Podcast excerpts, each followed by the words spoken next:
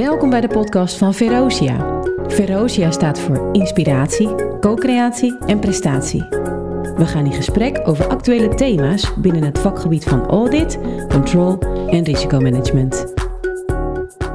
Ja, leuk dat jullie weer luisteren naar de podcast van Verosia. Mijn naam is Mark Dame en we gaan het vandaag hebben over horizontaal toezicht in de zorg. En daarvoor hebben we een speciale gast, Frank Burm. Frank, welkom. Dankjewel, uh, Mark. Wil je jezelf even kort voorstellen? Ja, ga ik doen. Um, ik ben aan de ene kant ben ik operational auditor. Dat ben ik bij een uh, zorginstelling op dit moment. Uh, in het verleden ook controller geweest. Achtergrond van een accountancy. Een jaar of twaalf bij een accountskantoor gewerkt. Uh, daarna, daarnaast ben ik ook docent. dat ben ik voor Avans, Avans Plus en uiteraard ook voor Frosia. Um, ik houd mij vooral bezig met externe verslaggeving, auditing en assurance en een stukje governance.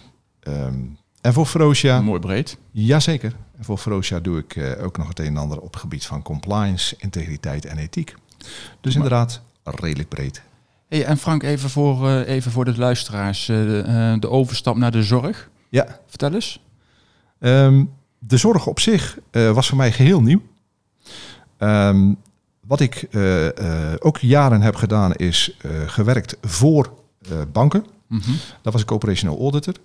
Um, op een gegeven moment uh, uh, vond ik eigenlijk het, uh, had ik de bankenwereld wel gezien. En wilde ik ook eens een keer wat andere dingen gaan zien. Ik heb ook bij een woningcoöperatie gewerkt. Mm -hmm. Vond ik ook heel leuk. allemaal op interimbasis. En de zorg leek mij eigenlijk ook wel leuk. Ik heb wat dingen gelezen over de zorg. de problematieken in de zorg. En die sprak mij daar wel aan. Met name de rol die ik daar eventueel in zou kunnen spelen. Als operational auditor heb je een enorm uh, breed veld uh, als we het hebben over de zorg. Um, alleen een van de dingen uh, waar ik me met name nu mee bezighoud, nou dat is het onderwerp waar wij het ook over gaan hebben, is horizontaal toezicht. Oké, okay, en, en, en, en vertel eens waar, waar nou, laten we eens beginnen met de, met de, met de beginvraag trouwens. Hè? Ja. Wat is het? Wat horizontaal is toezicht? toezicht? Ja, uh, horizontaal toezicht is een, uh, een landelijk project. Mm -hmm. het heeft te maken met de uh, rechtmatigheid van uh, zorguitgaven. Het is de bedoeling dat zorginstellingen minder tijd gaan besteden aan de administratie. dat betekent op zich dat er afspraken worden gemaakt tussen zorgverzekeraars en zorginstellingen. Met name op basis van vertrouwen. Dus dat betekent op zich, waar je nu ziet, heel veel facturen gaan de deur uit richting een zorgverzekeraar. Wat doet een zorgverzekeraar? Die controleert die facturen.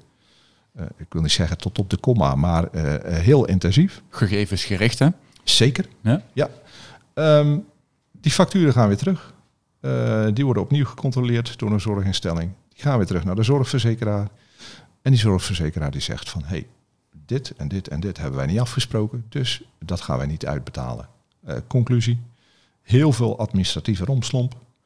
heel veel wederzijdse onbegrip en de facturen die niet geheel worden betaald. Oké, okay, dat is hoe het was, zal maar zeggen. Ja. En, en, en de vertaling naar, naar horiz horizontaal toezicht? Wat eigenlijk de bedoeling is, is um, dat alles in één keer goed wordt geregistreerd. Dus dat betekent op zich uh, dat uh, uh, alle facturen die de deur uitgaan naar een zorg of naar een zorgverzekeraar, mm -hmm. dat die eigenlijk in één keer goed zijn. Nou, dat is vrij simpel gezegd ja, en niet zo snel gedaan. Dus dat betekent op zich dat een uh, zorginstelling eigenlijk heel wat inspanningen moet gaan leveren. Om met name met een mooi woord zijn interne beheersing op orde te hebben. He, want aan de ene kant, vertrouwen is goed. Aan de andere kant, je kunt natuurlijk, uh, je, je, je kunt wel vertrouwen in elkaar hebben.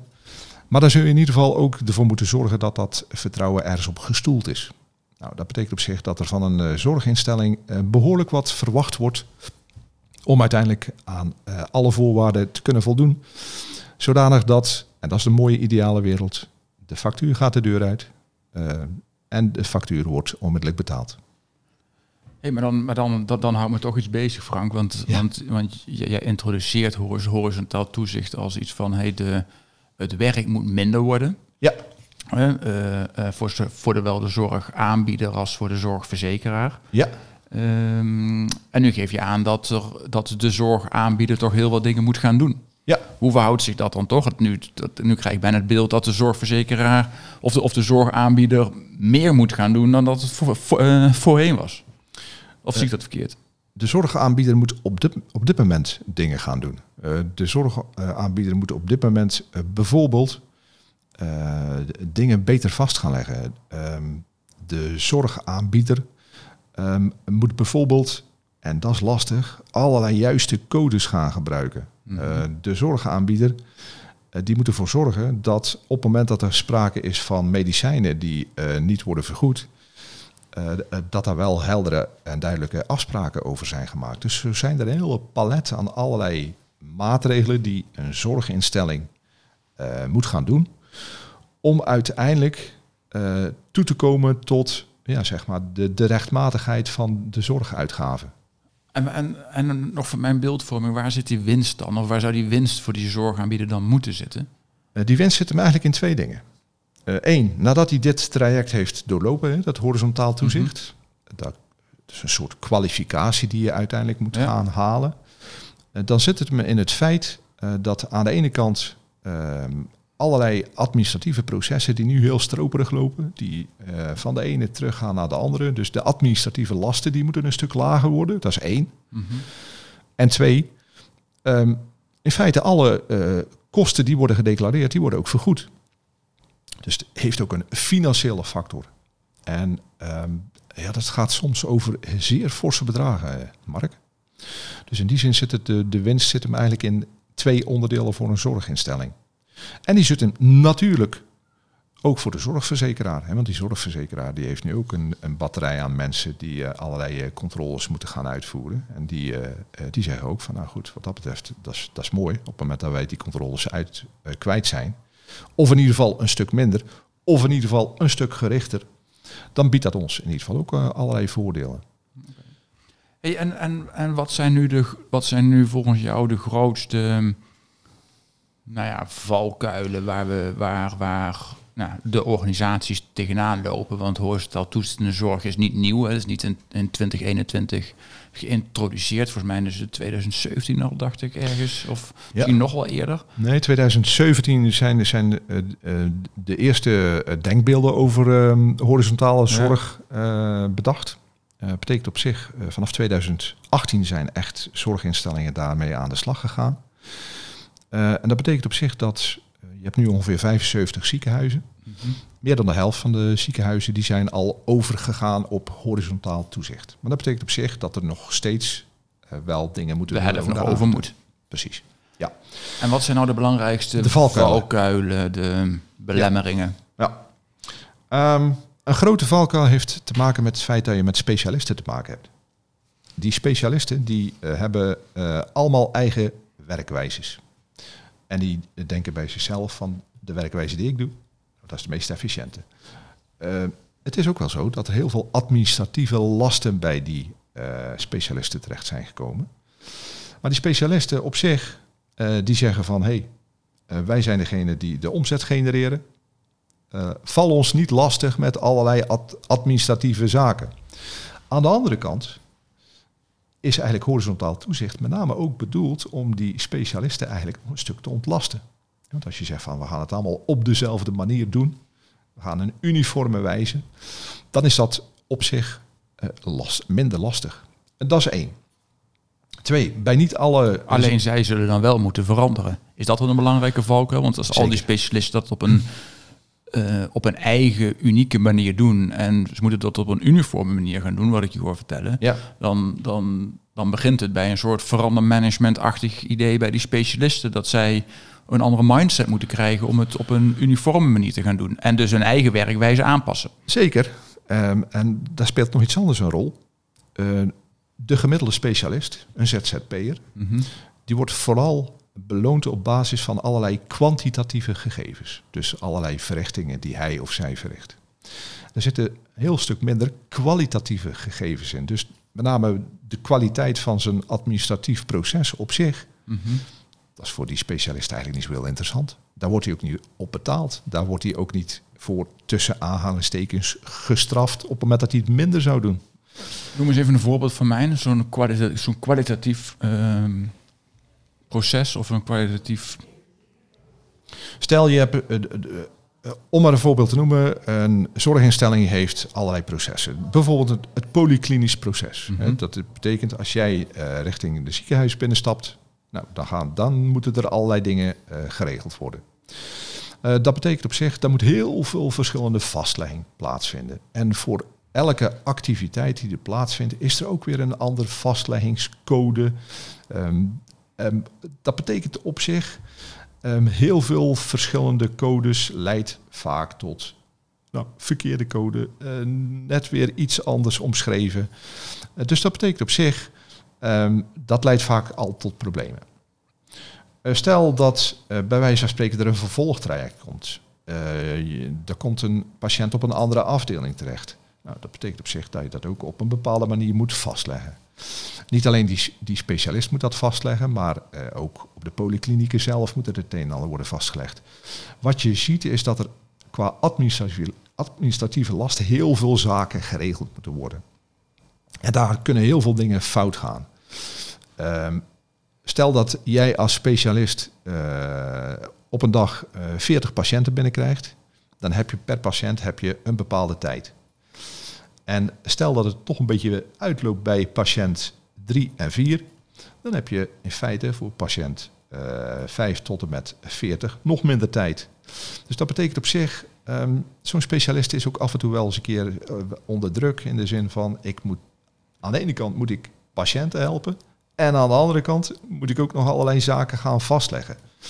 Dus met name die vastlegging, hè, dat is eigenlijk het, Wat is dan de kind van de rekening of zo? Bedoel je, dat- bedoel je dat? ja, dat bedoel ik. Ja. Ja, dat is het kind van de rekening. En ehm, ja, nogmaals, ik word als specialist, eh, word ik daar niet op afgerekend. Eh, ik word op, als specialist afgerekend. Ik wil A, die 40 mensen helpen.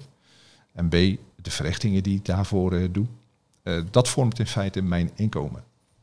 Dat is het kwantitatieve wat je bedoelt, toch? Dat is het kwantitatieve. en, en waar zit dan nog voor mijn beeldvorming het kwalitatieve wat je net zei? Nou ja, het kwalitatieve heeft dus ook te maken met. ehm, maar dat betekent op zich, als jij een patiënt helpt, eh, dan help je hem. Maar er zit ook nog een bepaalde afronding eh, aan vast. En die afronding, dat heeft dus te maken met het administratieve Ah, dat- proces. ja, hè. oké, en dan moet, ja. hij- dan moet uiteindelijk eh, ook het een en ander betaald worden. Mhm. Dus op zich is, is dat een valkuil. Ja.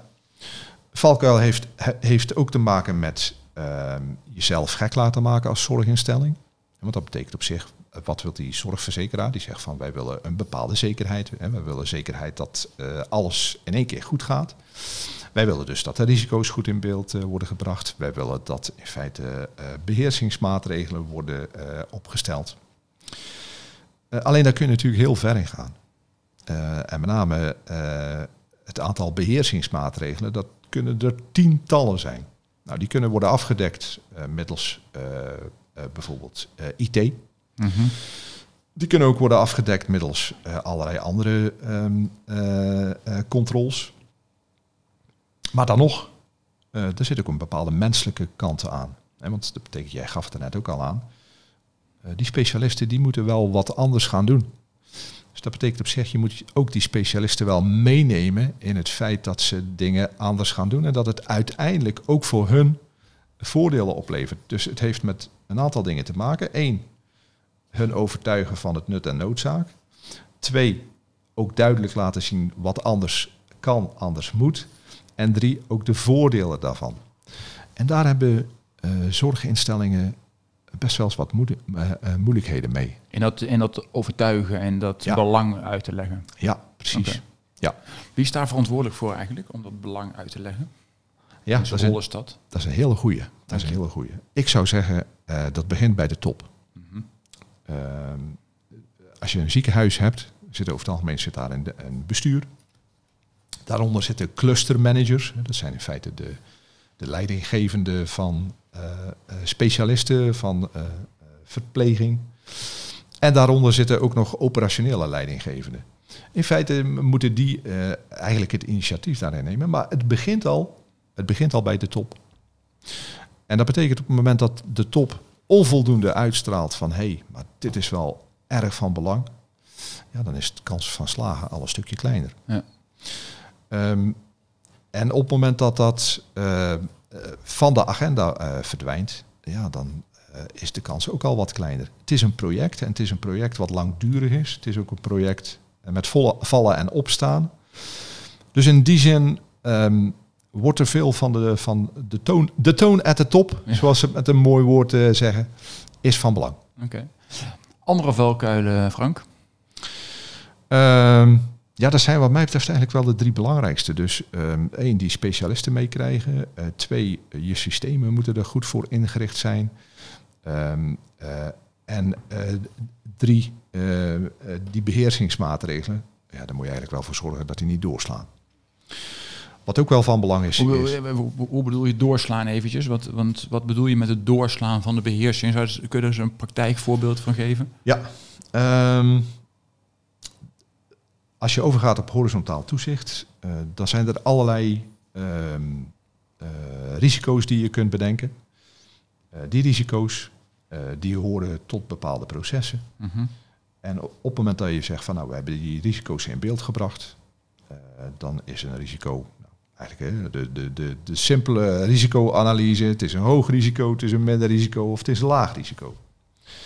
Om dat risico tegen te gaan, ga je beheersingsmaatregelen nemen. Ehm daar is ook een soort landelijk eh controlframework. Hè, dus dat betekent op zich, Ja. eh, wat eigenlijk min of meer, eh, heb je een risico, dan zou je die en die beheersingsmaatregelen kunnen bedenken. Er zijn risico's die hebben eh, eh, 15 tot 20 beheersingsmaatregelen in zich. Als dat allemaal gemakkelijk met systemen af te vangen is, zou je kunnen zeggen van oké.